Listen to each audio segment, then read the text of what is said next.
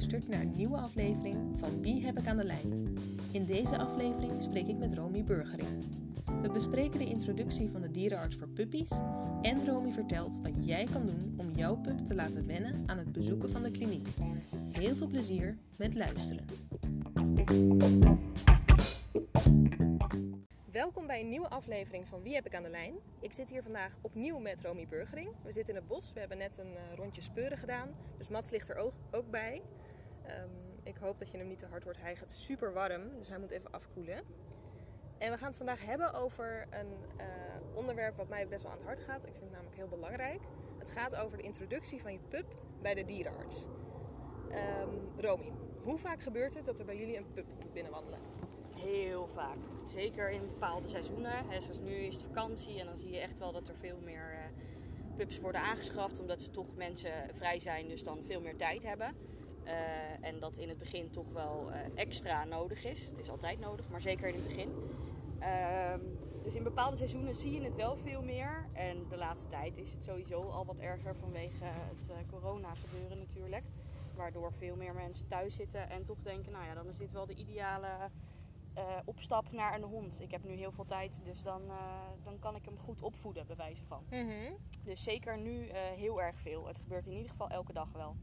Ja, en dan hebben we het nu denk ik vooral over de bezoeken die echt een medische aard hebben. Dus bijvoorbeeld het inenten of er is iets aan de hand of een eigenaar maakt zich zorgen. Ja. En waar ik eigenlijk naartoe wil, um, is eigenlijk het stukje training. Want als jij dus van de een op de andere dag met je pup komt binnenwandelen en uh, je pup heeft een paar keer de ervaring dat we gaan naar de dierenarts, dus ik krijg een prikje of, of ik krijg um, een vies spulletje of whatever, dan kan dat natuurlijk opbouwen naar een angst of in ieder geval een negatieve ervaring bij de kliniek. Ja, zeker weten. En eigenlijk zie je dat op het moment dat ze, hè, meestal hun eerste bezoek is voor de negen weken vaccinatie. En um, dan zijn ze over het algemeen wat afwachtend. En uh, als ze eenmaal doorhebben dat er heel veel lekkere koekjes aan te pas komen, dan vinden ze het allemaal wel leuk. Uh, bij 12 weken bezoek je ook voor de vaccinatie wordt het vaak uh, hetzelfde. Dan gaan ze nog iets blijer naar binnen. Alleen is er toch wel wat meer spanning. En eigenlijk gaat het vaak pas moeilijker of, of, fout in die zin. Op het moment dat er iets aan te pas komt wat echt vervelend is. Dus bijvoorbeeld een castratie of een sterilisatie. Of toch een keer een blessure of ziek zijn. Uh, dan wordt het vaak echt een negatieve associatie. En het heeft toch ook veel te maken met het aansturen van je pup als eigenaar zijnde. En niet alleen vanuit de arts en de assistenten. Mm -hmm. Dus het is ook belangrijk voor een eigenaar om uh, te denken... oh, mijn hond moet op de weegschaal. Ja, eh, laat want, ik wat broeken pakken. Um, ja, precies. Ik wil net zeggen, laten we daar even naartoe gaan dan. Want um, als eigenaar zijnde... Ik, ik zei al eerder, ik vond het een belangrijk onderwerp... want ik heb hier zelf veel tijd aan besteed. Ik ben twee keer toen Mats echt een puppy was, echt klein, ben ik twee keer specifiek een afspraak gaan maken. Oh, Mats goed er even uit. Uh, om kennis te maken. En dat betekende dan gewoon dat ik naar de kliniek ging. Dat ik bijvoorbeeld gewoon eventjes um, 10 minuten in de wachtkamer zat. Gewoon even daar zijn. Uh, even kennis maken met de dierenartsassistenten. Um, als ik dan zeg maar een consult had, ging ik gewoon naar binnen. En liet ik hem even rondlopen, even snuffelen. Hij mocht de tafel ontdekken. Hij werd vastgehouden. Zeg maar eigenlijk niets meer dan gewoon een beetje masseren. Een beetje in zijn oren kijken. Uh, even op de weegschaal staan en weer weg. Ja.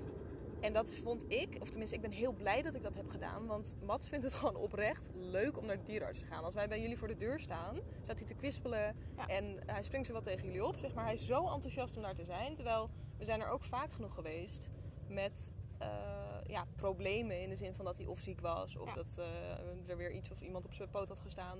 Dus hij is er ook wel geweest voor minder leuke dingen. Ja. Ja, dat is een beetje, het is sowieso uh, toch wel het karakter van je hond. Of je dat wat sneller vergeet. Of dat je toch de negatieve ervaringen wat zwaarder laat wegen dan de positieve ervaringen. Alleen het is echt heel belangrijk om te zorgen dat die positieve ervaringen er zijn. En zeker in het begin hè, zijn mensen gemotiveerd om het te komen voor die 9 weken en die 12 weken. En dan is het allemaal gezellig. Maar daarna is het toch vaak zo dat ze komen als er iets is. En eigenlijk is uh, vanuit mij toch altijd het advies... als je dan een keertje bent geweest voor iets wat minder leuk is... kom over een weekje nog een keer even op de weegschaal. Even wat, wat kriebels en, en een brokje halen. Gewoon even binnenkomen zonder dat daar meteen iets vervelends aan te pas komt. Mm -hmm. ja, want het is helaas, ondanks dat je het zo leuk mogelijk maakt bij de dierenarts... toch vaak inderdaad of een prikje of spanning van op de tafel die omhoog en omlaag gaat... of Ja. überhaupt spanning van uh, de hele situatie... Dus eigenlijk uh, is, is vanuit ons altijd het advies om, om kom de week later nog een keertje langs. Of het nou nodig is of niet, loop binnen. Ja, ik wilde net Ehm, zeggen, want um, een dierenarts, eh, echt een afspraak, kan natuurlijk best prijzig zijn. Of tenminste, men vindt het vaak best prijzig. Er wordt Ja. altijd gezegd, je dierenarts kost veel geld. Ja. Natuurlijk moet je daarbij niet vergeten hoeveel werk en zorg er ook Ja. van jullie kant in zit. Ja. Ehm, maar ik kan me ook voorstellen dat mensen zeggen, ja, als het niet nodig is, ga ik niet ook nog een afspraak maken. Nee, en dat verschilt een beetje per kliniek. Dus eigenlijk zou je dat gewoon eens eerlijk moeten vragen aan de kliniek waar je, waar je komt met jouw hond of puppy.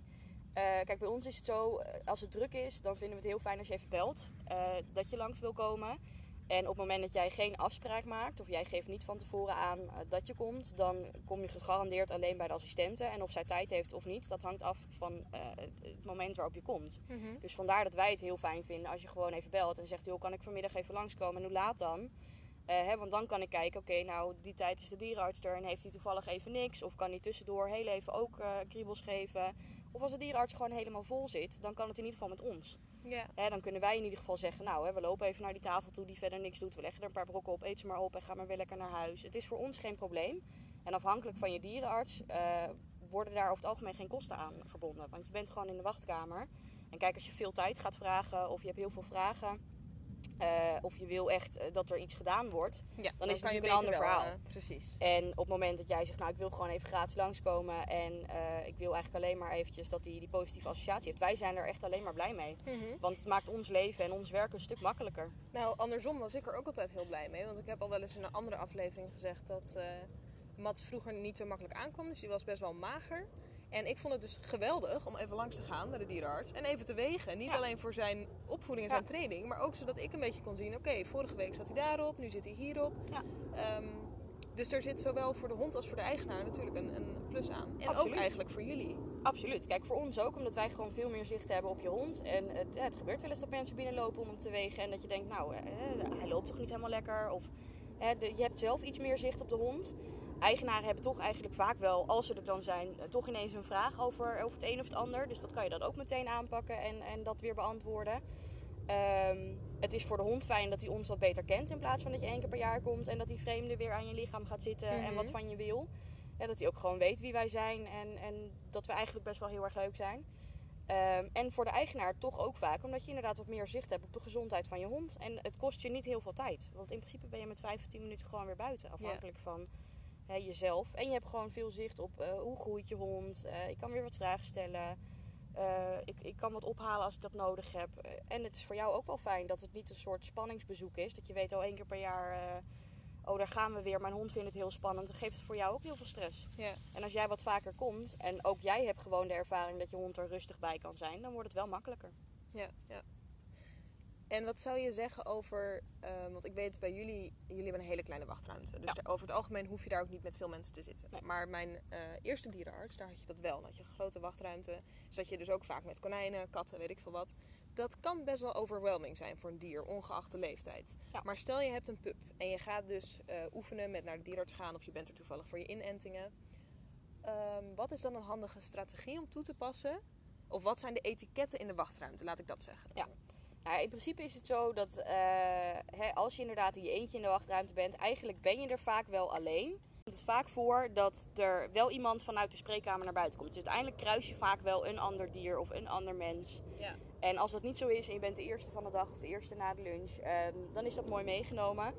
In een grote wachtkamer kan je vaak goed afstand houden. En dan adviseer ik je gewoon om lekker een strategisch plekje te kiezen. Een beetje eh, hè, aan het einde van de rij of eh, hè, in een hoekje. Waarbij je gewoon zelf kunt zeggen, nou ja, daardoor creëer ik al wat ruimte voor mijn hond. Want die ruimte is best belangrijk. Of voor mijn kat. eh, Ja, wat ik echt, ehm, waar ik me echt aan erger. Het is wel een beetje een, een, een statement, maar ik vind het heel vervelend als mensen, met name bij de dierenarts, hun hond gewoon aan een rollijn hebben en die dan lekker overal langs laten lopen. Want om heel eerlijk te zijn, jij weet niet wat mijn hond heeft. Dat is misschien wel besmettelijk. En andersom, ik wil helemaal niet dat jouw hond zomaar op mijn puppy afloopt, want ik weet niet wat jouw hond heeft. Nee. En het zou ook best kunnen zijn dat jij niet eens weet wat je hond heeft en dat hij het alsnog doorgeeft. Ja. En dat vind ik echt, nou, de eerste keer dat me dat gebeurde, toen ben ik volgens mij ook best wel uit mijn slof geschoten. Wat natuurlijk niet heel chic is, maar ehm, daarvan vind ik echt, mensen moeten zich realiseren dat je bent gewoon bij de dokter. Je gaat daar ook niet gezellig een theekrantje houden. Nee. En al helemaal niet met, met dieren die eventueel ziek zijn of die een lage weerstand hebben. Nee, nee, zeker. Dus hè, de- het- je kunt er altijd voor kiezen, tenminste bij de meeste klinieken. Of ze hebben een grote wachtkamer. Eh, Dus dan kan je jezelf afzonderen en dan kan je gewoon zeggen, joh, eh, hè, mijn hond eh, Liever vindt niet. het niet zo fijn, Ja. ik vind het niet fijn. Ja. hè, of ik ga even een ander plekje zoeken of kun jij ergens anders zitten. Dus geef dat ook gewoon aan als je dat niet fijn vindt. En ehm, op het moment dat je een kleinere wachtkamer hebt, zoals bij ons, ehm, dan kun je er gewoon voor kiezen om weer even naar buiten te lopen. En geef gewoon aan, joh, ik, ik wacht even buiten. Roep me even als ik weer naar binnen mag komen. Ja. En dan roepen we je gewoon. Want liever dat dan dat jij met een vervelend gevoel zit. Of dat je bang bent dat er toch iets wordt doorgegeven. Mhm. En in principe is het natuurlijk wel zo dat op het moment dat je weet dat je een hele besmettelijke hond hebt, dat je die niet eh, direct de wachtkamer instuurt met andere honden. Maar hè, het kan altijd gebeuren dat je iets nog niet weet ehm, en dat je dat wel doet. En het is eigenlijk voor geen enkele hond fijn om aangelijnd in een wachtkamer in contact te komen met een andere hond. Tenzij het een hond is die ze al kennen. Mhm. Alleen anders, eh, hè, er is niet heel veel ruimte. Dus je kunt niet heel erg uitwijken als je toch denkt, ik vind dit helemaal niet fijn. Plus wat je zegt, ze zijn daar vaak al in een situatie waarin ze toch wat gespannen zijn. Waarin ze misschien al ziek zijn. Ja, dan is het eigenlijk helemaal niet fijn om, eh, om andere dieren te kruisen. Dus meestal is het gewoon het handigst om, om of even buiten te wachten.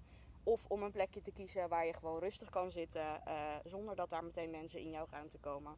Ja. En in de ruimte van je hond komen. Zijn er nog andere dingen waarvan jij zegt van ehm, die vereisen meer aandacht als je een pup hebt? Of eh, die pakken wij vanuit dus dierenarts oogpunt, die pakken wij anders aan met een pup dan met een volwassen hond? Ja, kijk, in principe is het het stukje dat je, eh, nogmaals, eh, ik heb het liefst dat je elke week langskomt vanaf de dag dat je hond er is, eh, tot een maand of vier. Hm. Ehm, alleen dat is niet altijd mogelijk. Niet voor jou, niet voor ons. Alleen het zou wel heel fijn zijn als je hond gewoon al snapt dat wij best wel leuk zijn en niet heel eng en spannend en wij doen altijd iets naars. Want het maakt het voor ons gewoon makkelijker in de toekomst om, om je hond na te kijken, om hem eventueel te behandelen, et cetera. Dus dat is sowieso wijs om, om regelmatig langs te komen en het liefst even telefonisch aangeven dat je komt. Dan weten we het ook. Ja. En dan komt het ook uit voor ons allemaal. Ehm, en daarnaast hè, het stukje dat je hem gewoon goed in de gaten houdt. Dus hè, dat je hem eh, kunt wegen en eh, hè, dat je af en toe eens aan zijn oren zit om te kijken dat hij daar ook aan wendt. Dat je af en toe eens kunt kijken naar zijn tandjes. Eh, dat soort dingen kun je eigenlijk ook allemaal thuis doen. En ja, ja, die kan je thuis doen, maar ik weet eh, van de opleiding van Quibus bijvoorbeeld, Ja. dat zij zeggen van ga dat nou niet zelf doen zonder eh, begeleiding, want dan ben je de hele tijd eigenlijk je pup aan het irriteren en in zijn gezicht aan het Ja. zitten en Ja. eigenlijk ook eh, handelingen aan het uitvoeren die, die voor de hond niet altijd even makkelijk te interpreteren Nee. zijn. Nee, en zolang je dat doet bij een puppy en zolang je dat doet hè, met, met gezond verstand en op een normale manier, dan is het eigenlijk alleen maar je hond leren dat het dus niet zo erg is. Want in de eerste instantie is het inderdaad niet fijn als iemand je lip optrekt en, en met zijn handen over je neus heen zit. Dat is ook helemaal niet fijn. Alleen het is wel handig als het kan.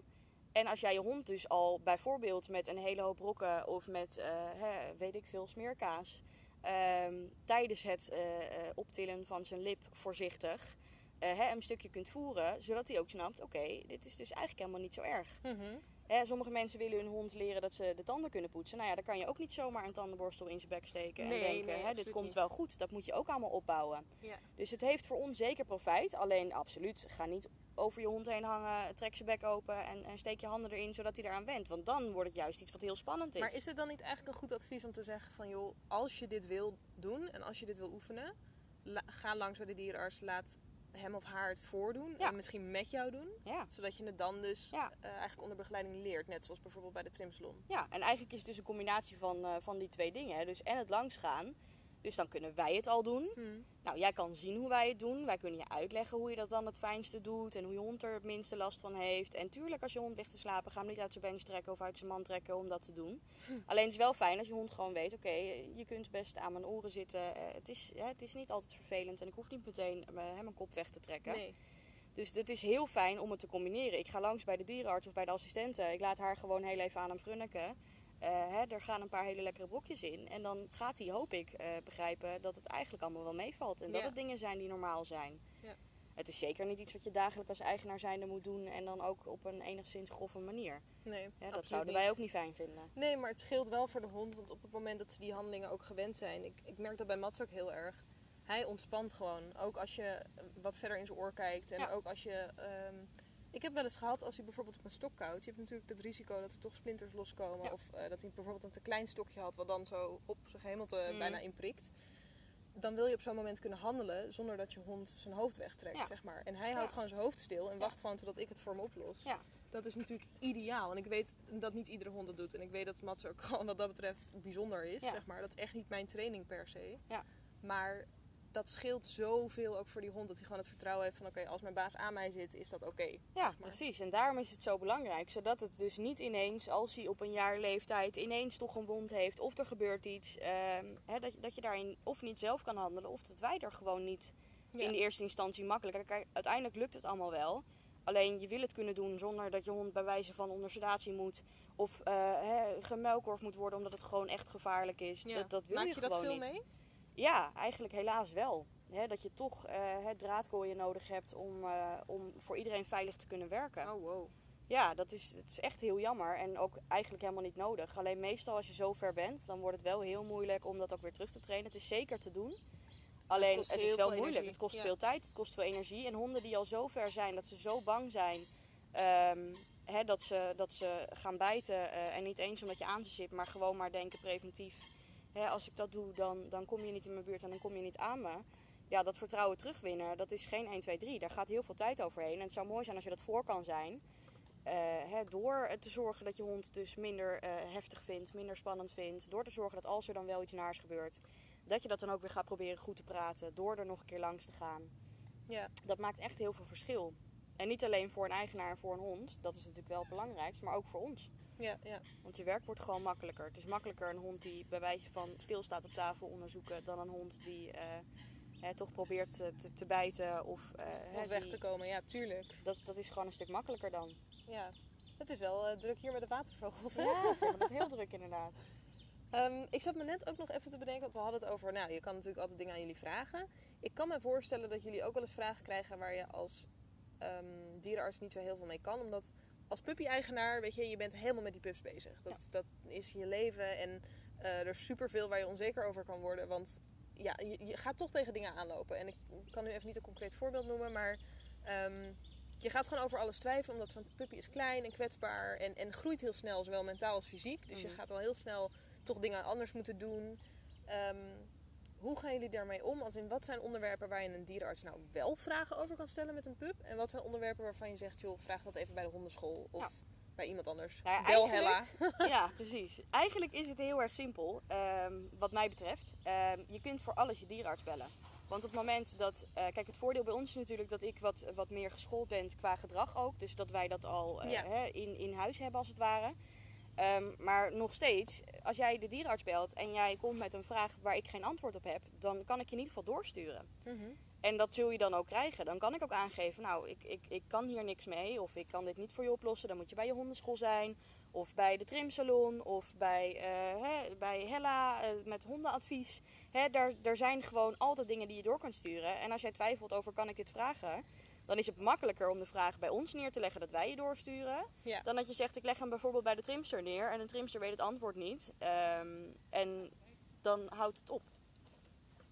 Bestaat er eigenlijk ook zoiets als een eh puppyconsult? Ja, Speciaal voor puppies, zeg maar. Ja, die bestaan zeker. Niet alle dierenartsen bieden ze aan. Wij bieden ze eigenlijk ook niet aan. Puppyconsulten die zijn voornamelijk bedoeld zodat je, eh, eh, hè, zeker na die eerste twee vaccinaties, dan kom je natuurlijk relatief vaak, hè, 9 weken, 12 weken. En daarna stopt het eigenlijk voor een hele tijd. Want je hond hoeft eigenlijk pas weer op een jaar leeftijd gevaccineerd te worden als je Mhm. vaccineert.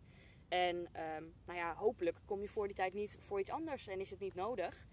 Ehm, en puppyconsulten zijn er eigenlijk om toch eh, eventuele vragen te beantwoorden. Alleen op het moment dat jij een puppyconsult boekt bij een dierenarts die dat aanbiedt, dan zitten daar wel vaak kosten aan verbonden.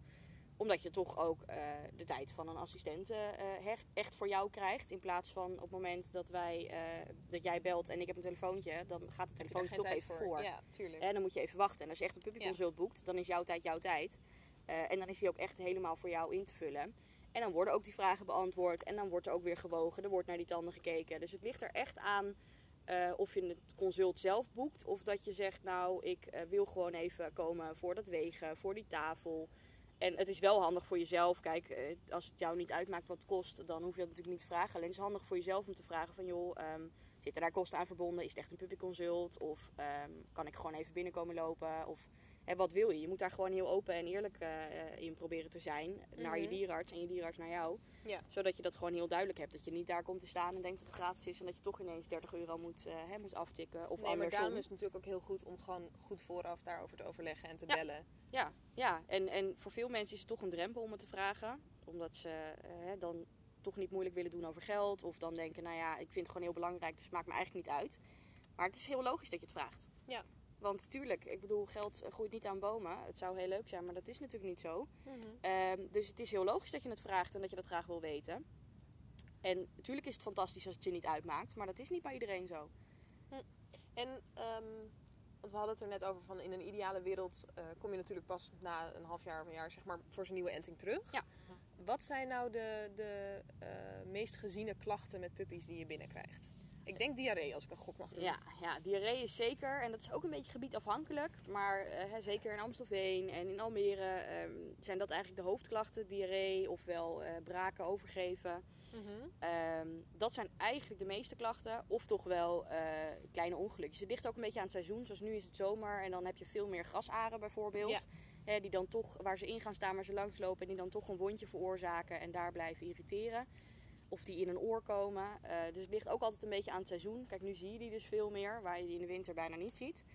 Ehm, maar ja, je hebt ook eh, honden die eh, ergens in zijn getrapt. In een stukje glas of in iets scherps of whatever. Dus over het algemeen is het wel ja, ziek zijn, braken, diarree, dat soort dingen. Mhm. En de andere kant van het verhaal is toch vaak de, of, nou ja, nu dus de grasaren of ergens in gaan staan. Dat veel mensen nu veel meer tijd hebben. Dus veel meer naar bos en park gaan. Ja. Hè, blessures, dat soort dingen. Zijn er dingen waar je op kan letten als puppy-eigenaar? Dus zijn er zeg maar, ehm, zoals bijvoorbeeld die grasaren, dat is natuurlijk heel simpel. Dan kan je als, als dierenarts of als dierenartsassistent kan je makkelijk zeggen van hé, hey, dit is dit seizoen, dus ik zou hier wat extra op letten. Zijn er andere dingen binnenshuis? Want bijvoorbeeld voor kinderen heb je natuurlijk altijd van die, ehm, van die dingetjes die je op de tafelhoeken kan doen en zo, weet je wel. En van Ja, die die speciale stekkerdozen, van die stootrandjes en dergelijke. En dan kan je zeg maar je huis soort van preventief eh, baby-proof maken. Ja. Ik zeg altijd, maak je huis puppy-proof op het Ja. moment dat je een pup krijgt. Ja. Ja, en dat, dat werkt natuurlijk net even anders. Want voor een puppy stootrandjes, tuurlijk handig, maar de meesten ontwijken de randjes Ja, wel. ja. Eh, het Maar kan wel, nooit kwaad. je kan natuurlijk kijken naar giftige planten. Of je Absoluut. kan goed eh, kijken waar je de drink- of eetbak wel of niet neerzet. Ja, ja, zeker weten. En, en over dat soort dingen kun je, kun je nadenken. Hè. Je kunt je best inlezen over wat zijn giftige stoffen, zoals chocola, eh, druiven, dat soort dingen. Het Ja. zijn toch dingen die vaak op tafel blijven liggen of die Nou ja, hè, als je kinderen hebt en je wordt. geeft je kind een pakje druiven Ja. en je hebt niet in de gaten dat het kind of voert of iets op de grond laat vallen, het kan natuurlijk ook eh, ehm, per ongeluk gebeuren. Ja. Maar dat zijn dus wel de, de puppy dingen. Ja, dat zijn wel dingen waar je, waar je op kan letten. En dan heb je natuurlijk ook gewoon nog de simpele dingen, hè, waar we het vorige keer ook over gehad hebben. Ja, eh, ruim wat, wat spullen op. Hè. Probeer gewoon je huis zo, zo opgeruimd mogelijk te houden. Laat je slippers niet slingen. Eh, want dan heb je dat gedoe in ieder geval niet. Dat Ja. jouw hond denkt, hé, hey, leuk slipper, daar ga ik even mee aan de haal. Ja. Tuurlijk kun je je huis een beetje puppyproof maken. En je hoeft niet je hele huis aan te passen. Dat zou heel erg zijn. Maar ja, je kan het wel, wel aanpassen naar zo veilig mogelijk. Hè. Geen eten op tafel laten staan als jouw hond daarbij kan. Eh, Ja. hè, dat, dat zijn allemaal wel opties. En als je nou op zoek gaat naar een dierenarts en eh, je hebt een pup. Want soms zit je in een gebied met heel veel. Bijvoorbeeld Amsterdam heb je eh, ruime keuze. Soms zit je in een gebied, misschien in een dorp of in een buitenwijk. En dan heb je er maar één of twee. Ja. Zijn er dingen waar je op kan letten bij het kiezen van een dierenarts? Ja, zeker. Alleen het is heel persoonlijk. Het is eh, wat jij fijn vindt. Ja, als jij zegt ik heb geen auto, dan ben je waarschijnlijk best wel gebonden aan een dierenarts die dichtbij is. Zodat je er ook heen kunt op het moment dat er iets aan de hand is. Zonder dat je meteen vervoer hoeft te regelen eh, hè, op hele moeilijke plekken. Ehm, alleen het is wel fijn dat het klikt met jouw dierenarts. Hè, daarom adviseren we je ook om dat kennismakingsgesprek een keertje in te plannen. Want als het niet klikt, dan uh, hè, je zit er toch, hoop ik, 15 jaar of langer aan vast. En ja, als dat, hè, als dat zo is en, en, en het klikt niet of uh, het, het, het werkt niet tussen jullie, dat kan natuurlijk altijd. Ja, dan kom je daar liever al in het begin achter dan later. En daarnaast is het uh, hè, natuurlijk heel handig om te weten, wat, wat wil jij? Wil jij een dierenarts die om de hoek is, uh, hè, die 24-7 bereikbaar is? Die zijn er niet zo heel erg veel. Nee. Hè, over het algemeen zijn het klinieken die werken van, weet ik veel, 8 tot 6 of 8 tot 8. En daarna uh, zijn er spoedklinieken. Nou ja, dat zijn wel dingen om rekening mee te houden. Ja, want dat is inderdaad ook interessant. Daar ben ik al een beetje op een harde manier achter gekomen, inderdaad. Uh, normaal gesproken maak je een afspraak voor een dierenarts. Als je weet als er iets is wat een beetje opbouwt of sluimert. Of als je inderdaad een vaccinatie moet doen. Nou, dan bel je gewoon, maak je een afspraak voor volgende week of voor morgen. Dat Ja. hangt een beetje vanaf hoe druk hij is. Maar op het moment, ik heb een keer gehad dat Mats heel ziek was. Het was 11 uur 's avonds. Het was een zaterdag. Mhm. En ik dacht, fuck, Ja. waar moet ik heen? Nou, gelukkig woon ik, toen woonde ik in Amsterdam. Dus eh, toen kon ik daar naar het medisch eh, centrum voor dieren. Mhm. Dan nog moest ik daar even heen, want ik had geen auto. Dus ik zat met mijn handen in het haar. Ik denk, ga ik een taxi boeken? Ga Ja. ik, eh, want het was natuurlijk laat, dus kan ik nog het OV pakken, whatever. Ehm, en toen dacht ik, voor mij zit dat soort van in de buurt, want het zit in Amsterdam. Dus ik Mhm. weet nu waar ik heen moet in geval van nood. Ja. Zijn er meerdere van dat soort eh, centra, zeg maar, in Nederland? Of spoedkliniek? Of hoe, hoe werkt dat precies? Ja, nou eigenlijk eh, zijn er tegenwoordig niet zo heel veel dierenartsen meer die hun eigen spoed doen. Omdat je dan gewoon letterlijk 24-7 eh, alert moet zijn en moet werken. En dat is gewoon geen, geen leven natuurlijk. Dus eigenlijk zijn er niet veel dierenartsen die het zelf doen. Maar ze verwijzen altijd door naar een andere dierenarts. En ook dat is belangrijk om te weten. Want stel je voor, hè, zoals jij, je hebt geen auto. Nou, jij kiest dan een dierenarts die relatief dichtbij is en waar het mee klikt. Alleen inderdaad, eh, als je dan s'avonds naar, weet ik veel, eh, hè, Amsterdam wordt gestuurd en jij kan daar niet komen. Ja. Dat zijn eigenlijk wel dingen om je op voor te bereiden. Hè, om ook te weten voordat het zover is. Ja, want En dat wordt vaak vergeten. Precies, Ja. want dat is echt, eh, als er iets met je hond aan de hand is. Bijvoorbeeld Mats, die was op dat moment eh, heel erg aan het braken. Dus er was best wel wat, wat haast bij. Ja. Ehm, ik, op dat moment werd er bij mij een soort van spiegel voorgehouden van... hé, hey, je hebt dit stukje aan veiligheid Ja. eh, eigenlijk gemist. Ja.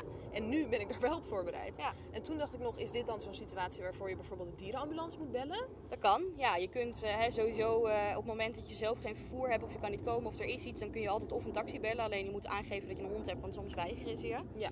Ehm, en de dierenambulance is er ook om je te vervoeren. Ja. Dus als jij zegt, ik zit in het bos, ik kan nergens heen, kom me halen, dan komen ze je in principe ook halen. Oké, dus dat, ja, precies. Ja, dus dat is zeker een mogelijkheid. En daarnaast, kijk, eh, proberen waar mogelijk eh, hè, om het vervoer te regelen als dat kan. En anders inderdaad met een dierenambulance of een taxi. Mhm. Zodat je er zo snel mogelijk kan zijn.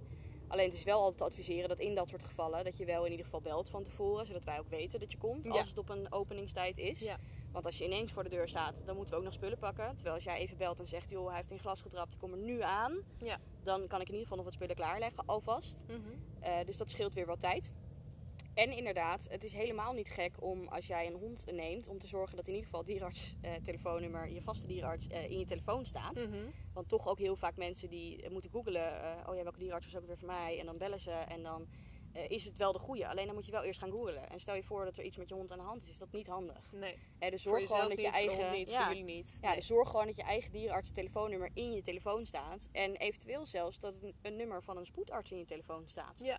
En zodat je op dat moment gewoon meteen kunt doorpakken. En dat je niet eerst het bandje van de dierenarts moet afluisteren en dan moet bellen naar de spoedkliniek. Dat kost ook weer tijd. En ehm, ik weet van bijvoorbeeld veeartsen of, of ehm, ja, ik weet, noem je dat tegenwoordig nog zo? Ja. Nou, in ieder geval, de, de dierenarts voor zeg maar eh, eh, groter vee, Mhm. die komen naar je toe, zeg Ja. maar. Ehm, stel, ik heb echt een heel, iets heel ergs. Ik zou niet weten wat precies. Maar eh, zijn er dan dus dierenartsen voor, voor huisdieren die zeggen: Oké, ik stap in de auto en ik kom naar je toe? Ja, ze bestaan wel. Er bestaan thuisdierenartsen. Alleen ehm, we kunnen vaak niet genoeg thuis. Hè, over het algemeen, als een dierenarts aan huis komt, dan komt hij alleen zonder assistenten. Ja. Nou ja, ehm, een hond met pijn die laat zich niet altijd onderzoeken door één iemand. En een huisdiereigenaar is toch vaak ook een beetje gespannen. Dus dat maakt het echt moeilijker. En stel je voor dat we eh röntgenfoto's willen nemen of een echo willen maken of iets dergelijks. Dat kan niet, dat hebben we Nee. niet bij ons. En bij eh, landbouwhuisdieren, bij vee, eh, dat zijn allemaal draagbare apparaten. Daar kun je eh, Ja. met draagbaar apparatuur kun je echo's maken. En dat is bij, eh ja, bij en ook daar heb niet. je op het moment dat er iets ernstigs aan de hand is, kan je bijvoorbeeld naar Utrecht. Ja, moet je ook Ehm, naar de kliniek. Ja. Ja, dus dan, moet je, dan heb je natuurlijk hetzelfde probleem. Ja. Ik zit ook meteen even te bedenken, kijk, als het echt iets ernstigs is, zelfs als het thuis zou kunnen, ehm, zou je ook nog moeten nadenken over of je die ervaring voor je dier wel in de eigen huiskamer wil hebben. Want eh, zo'n dier zit natuurlijk al in stress, Ja. heeft waarschijnlijk veel pijn. Op Ja. het moment dat er dan, als het al mogelijk was, een heftige ingreep in huis te doen, Ja. dan heb je daar natuurlijk ook nog het psychologische deel. Namelijk, jouw, huis ligt, of, oh, je dier ligt in huis en Ja. heeft een hele nare ervaring. Ja. Dat werkt natuurlijk ook mee. Daar moet ja, je dan dat, ook dat nadenken. werkt zeker. eh, dat, dat werkt zeker ook tegen voor hem. Hè? Ja, dat, dat, precies. die nare ervaring thuis is, is, is niet handig. Ja, Mats vindt het ook. Ga maar af, Mats. Dus dat is zeker niet handig. Ehm, en nogmaals, ehm, het is heel lullig, maar we kunnen gewoon niet genoeg thuis. Nee. En want als we zien, oh ja, hij is serieus echt heel ziek, dan moet hij alsnog naar de kliniek. En eigenlijk heb je dan eh, tijd nou ja, verspeeld aan, ik kom eerst naar jou. En dan moeten we alsnog naar de kliniek. Dat kost zoveel tijd die je mogelijk niet hebt. Die Ja. tijd die heb je niet als reserve. Dus je zult meteen door moeten pakken. En op de praktijk heb je assistentes die kunnen helpen. En heb je eh, eh, je apparatuur klaar liggen om meteen in te kunnen grijpen. En dat scheelt gewoon een hele hoop. Mhm. Duidelijk. Ja, ik, eh, dat is natuurlijk een stukje waar je zelf niet vaak over nadenkt. Gelukkig ook. Nee, precies. Maar wel belangrijk. Ja. Ik zat ook meteen even te denken met eh, oog op eh, die, die angst of die eigenlijk negatieve associatie waar we het eerder over hadden. Ehm, op het moment dat jij bijvoorbeeld een herplaatser hebt, een zwerfdier uit het buitenland of een dier met een rugzakje, op wat voor manier dan ook, Mhm. ehm, zou je dan dezelfde tactieken kunnen toepassen voor dat dier als dat je voor een puppy doet? Dus laten we zeggen dat je dan dus de dierenarts en de kennismaking met de dierenarts op dezelfde manier benadert als met een pup. Dus je doet eerst een intake of een kennismaking en dan ga je het langzaam opbouwen. Ja, ja zeker. En, en eh, juist bij, kijk, bij pups is het wat makkelijker. Omdat die vaak eh, en nog heel erg jong zijn en die eerste paar leuke ervaringen hebben. Maar bij een oudere hond, eh, die heeft zijn prikjes al gehad. En die hoeft hij misschien pas over een jaar weer te hebben. Dus die, die komt eigenlijk pas op het moment dat er echt iets aan de hand is. En dan moet hij ook meteen op tafel. Dan is er geen tijd om, om hem eerst even rustig in de kamer te laten lopen. En te kijken waar hij überhaupt is en waar het naar ruikt. En wie de Ja. dierenarts is. Daar heeft hij allemaal geen tijd voor. Want je moet meteen doorpakken omdat hij ziek is. En dan heb je meteen nog een negatieve associatie. Dus zeker ook bij dat soort honden. Maak dat kennismakingsgesprek ook voor jezelf als je de dierenarts nog niet kent. Ook voor je hond om de ruimte te leren kennen. Om te weten, nou ja, dit, dit bestaat. En eigenlijk is het helemaal niet zo heel erg. En is het best lekker om, eh, om die koekjes te krijgen en om eh, hè, op tafel te gaan zonder dat er iets gebeurt. Dus zeker ook bij oudere honden. En of het herplaatsers zijn of dat het gewoon eh, een hond met een rugzakje is of zonder rugzakje, dat maakt niet heel veel uit. Ja. Alleen zul je er bij een hond met een rugzakje, hè, die dus wel al nare ervaring heeft, meer tijd in moeten steken. Ja, en bepaalde accenten misschien wat meer. Ja, leggen. ja. Ja. Dus eigenlijk werkt het precies hetzelfde. Alleen zal er iets meer tijd in gaan zitten. Omdat je bij een pup gaat eh, vaak over het algemeen van ik vind er nog niks van naar ik vind er iets leuks van. En bij de meeste oudere honden is er toch al een ervaring geweest. Mhm. En is het moeilijker om vanaf ik vind er wel iets van naar ik vind het toch eigenlijk best oké te Ja, gaan. En ja. dat, is, dat is moeilijker dan van 0 naar, naar 100. Ehm, zijn er verder eigenlijk nog dingen? We hebben wel al best wel veel gehad nu. Ik, ik, ja, ik leg me even bij jou. Zijn er nog dingen waar je aan denkt als je denkt aan puppies en dierenartsbezoeken? Nee, nou ja, het enige wat, wat, wat ik er altijd heel graag in wil hebben bij, bij eigenaren is, is twijfel alsjeblieft niet om te bellen. Ja. Twijfel echt niet om te bellen. Als je denkt, goh, ja, dat is de boodschap dit? van deze podcast. Ja, kan dit? Is dit goed? Ook al gaat het over iets waarvan je denkt, nou, ik weet niet of mijn dierenarts daar iets mee kan. Ook al denk je, het kan geen kwaad. Het, het is echt niet erg om te bellen en om het te vragen. Wij zijn alleen maar blij als je het vraagt. En hopelijk is het inderdaad niet erg. Alleen als dat het wel is, dan kunnen we in ieder geval op tijd ingrijpen. Of dan kunnen we daar iets mee. Hè, en, en in het mooiste geval zeggen we er is niks aan de hand of kijk het even aan. Alleen als dat niet zo is, hè, we hebben er niet voor niks voor geleerd. En als particulier meestal niet. Dus het is helemaal niet erg om te bellen. Nee. Graag zelfs. Bel alsjeblieft als je denkt er is iets of ik weet iets niet. Of liever bellen dan dat je er niks mee doet. Of Ja. hè, ad- advies gaat vragen ergens waar het eh, niet geschoold is. Of, Nee. ja, dat is gewoon niet handig. Nee, nou dan haak ik daar mooi even op in. Want naast dat je natuurlijk altijd een, eh, oh, een ehm, consult kan boeken bij mij, of natuurlijk ook vrijblijvend gewoon een vraag kan sturen, wil ik vooral de luisteraars ook aanmoedigen om, als er nou onderwerpen zijn waar je meer over wil weten, of als je zegt van goh, ik zou het heel leuk vinden als Romy hier een keer iets over vertelt in de podcast. Ehm, stuur de onderwerpen of de vragen even via de mail. Die staat ook nog in de show notes en staat op de website en op mijn Instagram account. En dan eh, als het een goed uitgebreid onderwerp is of iets waarvan wij zeggen, nou dat vinden we echt belangrijk, dan kunnen we dat natuurlijk later ook nog altijd een keer bespreken. Ja, zeker weten. Superleuk. Ehm, en denk ik dat we deze afsluiten. En dan wil ik je eh, vragen of we binnenkort nog een podcast kunnen opnemen over EHBO voor honden. Ja, Zeker Gewoon weten. even de basisdingen. Wat moet ik doen op het moment dat mijn hond bijvoorbeeld in glas staat? Ja. Dat is natuurlijk heel simpel. Vooral contact Ja. opnemen met je dierenarts. Ja, ja, eigenlijk Maar, komt het eh, daar waarschijnlijk heel veel op neer. Ja. Maar je kan zeker in de eerste instantie natuurlijk wel wat doen. Ja, precies. Even gewoon de, de basis Ja. EHBO, zeg maar. En vooral wat je niet moet doen. Namelijk zelf erin gaan poeren. Precies, ja. maar goed, daar hebben we het volgende keer nog wel over. Ja. Ehm, ik wil je heel erg bedanken voor dit gesprek. Graag gedaan, En tot superleuk. snel. Ja, tot snel. Dit was het weer voor deze aflevering. Ik hoop dat je het leuk vond. Heb je vragen of heb je opmerkingen, dan kun je deze altijd sturen naar hella.hellashondenadvies.nl. Het mailadres staat ook nog in de show notes. Heel erg bedankt voor het luisteren en tot volgende keer.